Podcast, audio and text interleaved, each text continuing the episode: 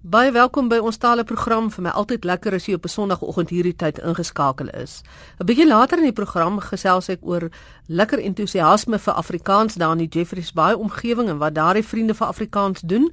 Maar eers gesels ek met Vader Leon Mostert van die Katolieke Kerk in Oudtshoorn.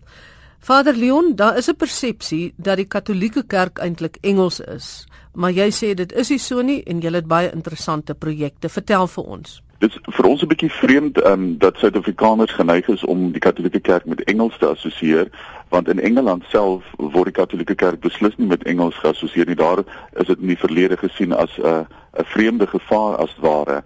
Hulle het ook maar hulle geskiedenis van die Romeinse gevaar. Ehm um, so Katoliek uh, die Katolieke Kerk is is werklik universeel. So ons gebruik al die tale op hierdie planeet word deur die Katolieke Kerk gebruik en die geskiedenis van Afrikaans in die Katolieke Kerk um, gaan nogal uh, ver terug tot in die 19de eeu. Toe is die eerste klein katekismusse uitgebring in in destyds 'n vereenvoudigde Nederlands hierso ter plaatse vir die vir die Afrikaanssprekende bevolking. Ehm um, so daar was maar altyd 'n klein groepie oorspronklik natuurlik Nederlandssprekendes in die ou kolonie, maar later ook Afrikaanssprekendes in die Katolieke Kerk um, teenwoordig hier in Suid-Afrika. Ek neem aan julle moes toe ook uh, spesifieke Afrikaanse terme en terminologie skep vir die liturgie in die Katolieke Kerk. Ja, daar is al so byna 100 jaar uh, is die is die kerk doenig uh, met Afrikaans. Aanvanklik was dit Nederlandse priesters ook daar. Die Nederlandse Dominikane het veral hierso in die die 30er, 40er, 50er jare daar rond nogal baie gedoen om Katolieke tekste, liturgiese tekste in Afrikaans oor te sit. Um, om die waarheid te sê, 'n Hollandse priester, uh, hy was 'n Dominikaan, Vader Dirk Jan Gomes, het in 1962 onder van Wyk Lou wat sy promotor was, 'n proefskrif ingedien by die Universiteit van die Witwatersrand, 'n uh, ondersoek na die wenslikheid en noodsaaklikheid van 'n katolieke woordeskat in Afrikaans. En dit is eintlik 'n fascinerende dokument om te lees. Afrikaans uh, se se geskiedenis is natuurlik Afrikaans het uit 'n kalvinistiese kan mens maar sê milieu ontstaan. So baie van die egte katolieke woorde het het eintlik maar verlore gegaan of of is no, het nooit algemeen geraak in Afrikaans nie alhoewel dit natuurlik oorspronklik in Nederlands was. So ons het maar baie keer teruggegryp na Nederlandse woorde Nederlandse terme um, om dit weer in te burger as ware in in uh, die Afrikaanse spreektaal vir spesifieke katolieke dinge waarvoor dan nie woorde in in in die kalvinistiese register as ware is nie. Nou dit is ook bekend dat priesters en amptdraers van die Katolieke Kerk uh, in Suid-Afrika baie keer besoekende priesters en amptdraers uit ander dele van Afrika of ander dele van die wêreld kry wat dan by spesifieke kerke gaan werk. Hoe maak hulle dan as die taal Afrikaans is as hulle byvoorbeeld by julle kom?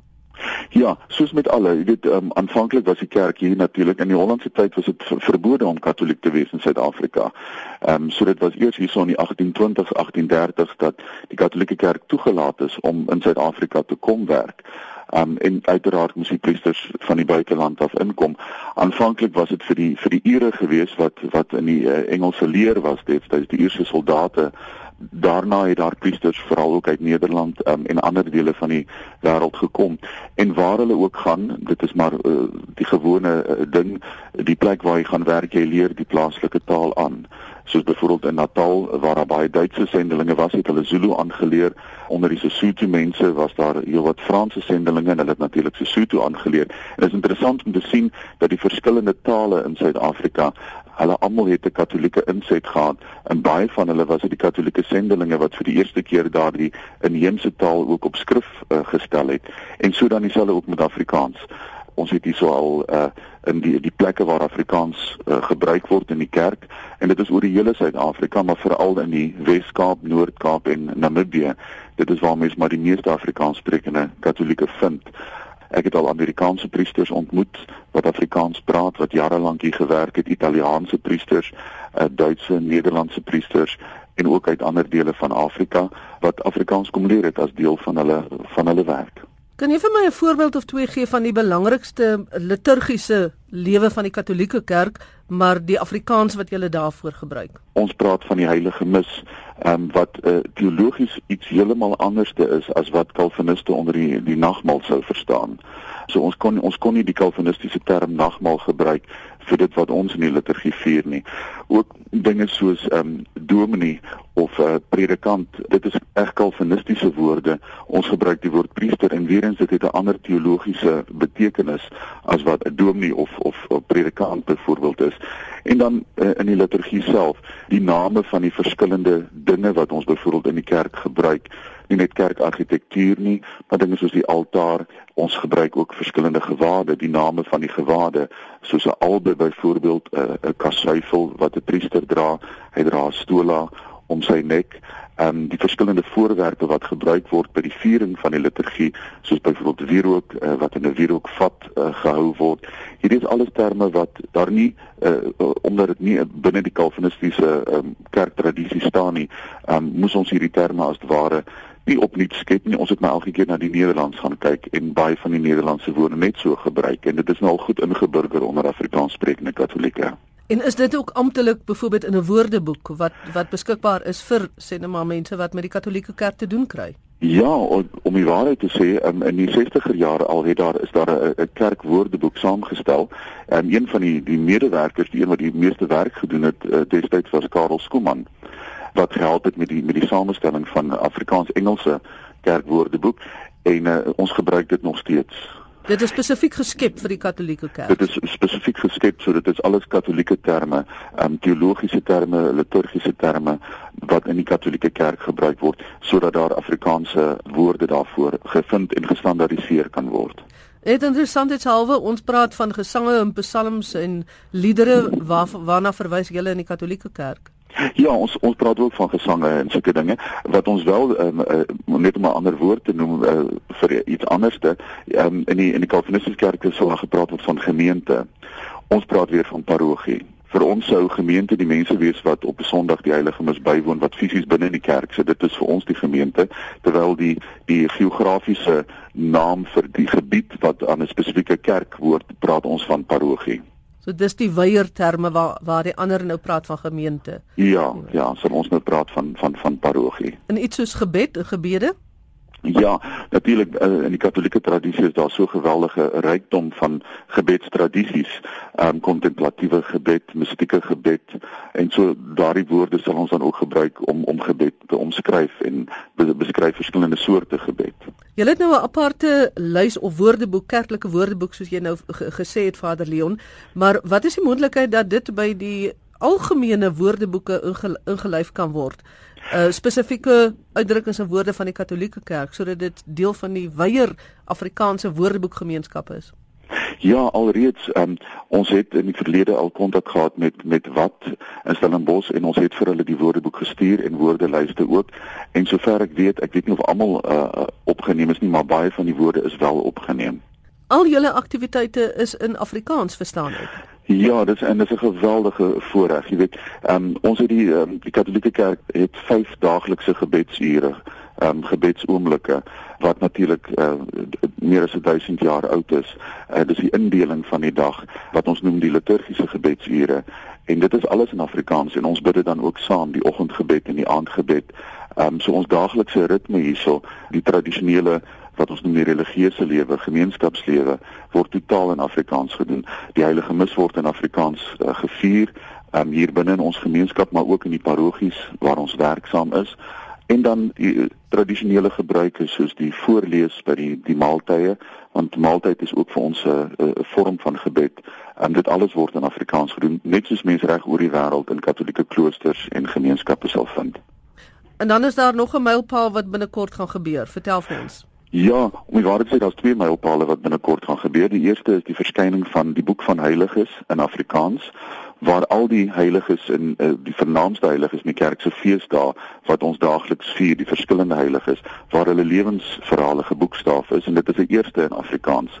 Um, ons noem dit die boek van heiliges en dit sal binne die volgende seker binne die volgende paar weke uitkom en dan later vanjaar verskyn daar ook 'n CD van oorspronklike Afrikaanse Katolieke liturgiese musiek. Dit is nog nooit van tevore gedoen nie. So dit is ehm um, toonsettings van die Heilige Mis, toonsettings van uh, verskillende van die gebede wat ons gebruik en lofsange wat ons gebruik, alles in Afrikaans, plaaslik in Suid-Afrika deur Suid-Afrikaanse komponiste gekomponeer. Um, en ons is baie opgewonde daaroor. Baie interessante inligting en baie dankie Vader Leon Mostert van die Afrikaanse Kloostergemeenskap die Katolieke Kerk op Oudtshoorn. En nou gesels ek met Frikkie Sutherland, hy is die takvoorsitter van die Vriende van Afrikaans daar in Jeffreys Bay oor wat hulle doen vir Afrikaans. Magdalene die uitgangspunt is dat as iemand anders nie na ons taal kyk nie, uh, gaan hy tot niet gaan en ons moet self iets doen. En daarom is ons betrokke by die handhawing van ons taal, die uitbouing van ons taal en dan ook om veral by kinders 'n liefde vir ons taal te skep. En dink jy julle slaag daarin in die klein omgewing waar julle is? Ja, ek dink nogal so. Ek dink nogal so, jy weet ons bied verskillende programme aan die programme probeer ons leersaam maak en in Augustus maand hou ons gewoonlik 'n taalfees. En die taalfees gaan nou werklik oor die uitbouing van die taal. Ons kry mense wat vir ons vertel oor die ontstaan van Afrikaans.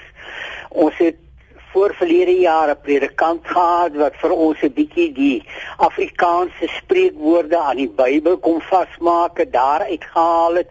Vir jare is gelukkig om vir Rian Kruiwagen hier te kry en hy gaan ons gasspreker wees op die 16 Augustus. Nou in die proses maak ons natuurlik nou so geldjie bymekaar en gewoonlik vir die kleuterskole gee ons uh leermateriaal terug. Ons gee boekpryse vir ons skole. Ons help kinders Afrikaanssprekendes wat finansiëel baie swaar kry. Ons gee boeke vir ons biblioteek. Ag en ons kyk maar enige plek waar ons ons gemeenskap ten opsigte van ons taal terwille kan wees. Julle doen ook baie gemeenskapsprojekte in die breër gemeenskap waar jy probeer om uh, deur middel van Afrikaans mense te bemagtig. Vertel vir ons daarvan. Ja, ja, soos ek sê die uh, een van die dinge wat ons op die oomblik ook doen is ons het wat ons noem 'n leesprogram waar ons uh boeke gekoop het en dit uh versprei ons tussen die kleuterskole. Die skole lees dit self aan om uh self voor vir die kinders omdat ons 'n probleem gehad het om altyd by hulle rooster in te pas en op dië manier kweek ons 'n liefde vir ons taal. En dan verder dit wat ons doen in die gemeenskap. Kyk ons daarna ons moeder gemeenskap uh, besighede aan om ons taal te gebruik. Ons maak gebruik van die pers om ons taal uh, skryf gereeld want ons het hier 'n plaaslike twee plaaslike koerantjies die Kouga Express en uh Our Times. So Our Times is maar eintlik grootliks Engels maar ons sorg dat daar gereeld artikels in Afrikaans daarin verskyn en dan waar dit nou ook al op ons pad kom met skole werk ons saam en ons probeer ons taal bevorder sover ons kan. Ons wil byvoorbeeld 'n stoepstorie aand hou waar mense hulle stories kom vertel. Ons het nou uh, een aand het ons by 'n byeenkoms een van ons lede gehad wat nou stories vertel het uit sy jong dae uit. En die klas van goed vind nogal redelik byval by die mense. So jy moet maar een of ander iets doen, kyk jou gemeenskap hom beskou en eintlik gaan soek waarin stel die mense belang en dan jou program rondom dit aanbied. Baie dankie vir die Sutherland daarvan Jeffreys Bay waar hulle klompie taalvriende is wat kyk wat hulle kan doen om rondom Afrikaans interessante dinge aan te pak. Jy kan gerus in die omgewing waar jy is kyk of jy op 'n informele manier 'n klompie kan bymekaar kry wat kan kyk wat jy kan doen vir Afrikaans en deur middel van Afrikaans. Nou ons taalspeletjie het ongelukkig weens tegniese redes in die slag gebly vandag. Volgende Sondag is dit hopelik weer terug met ons. Groete van my Magdalene Creer.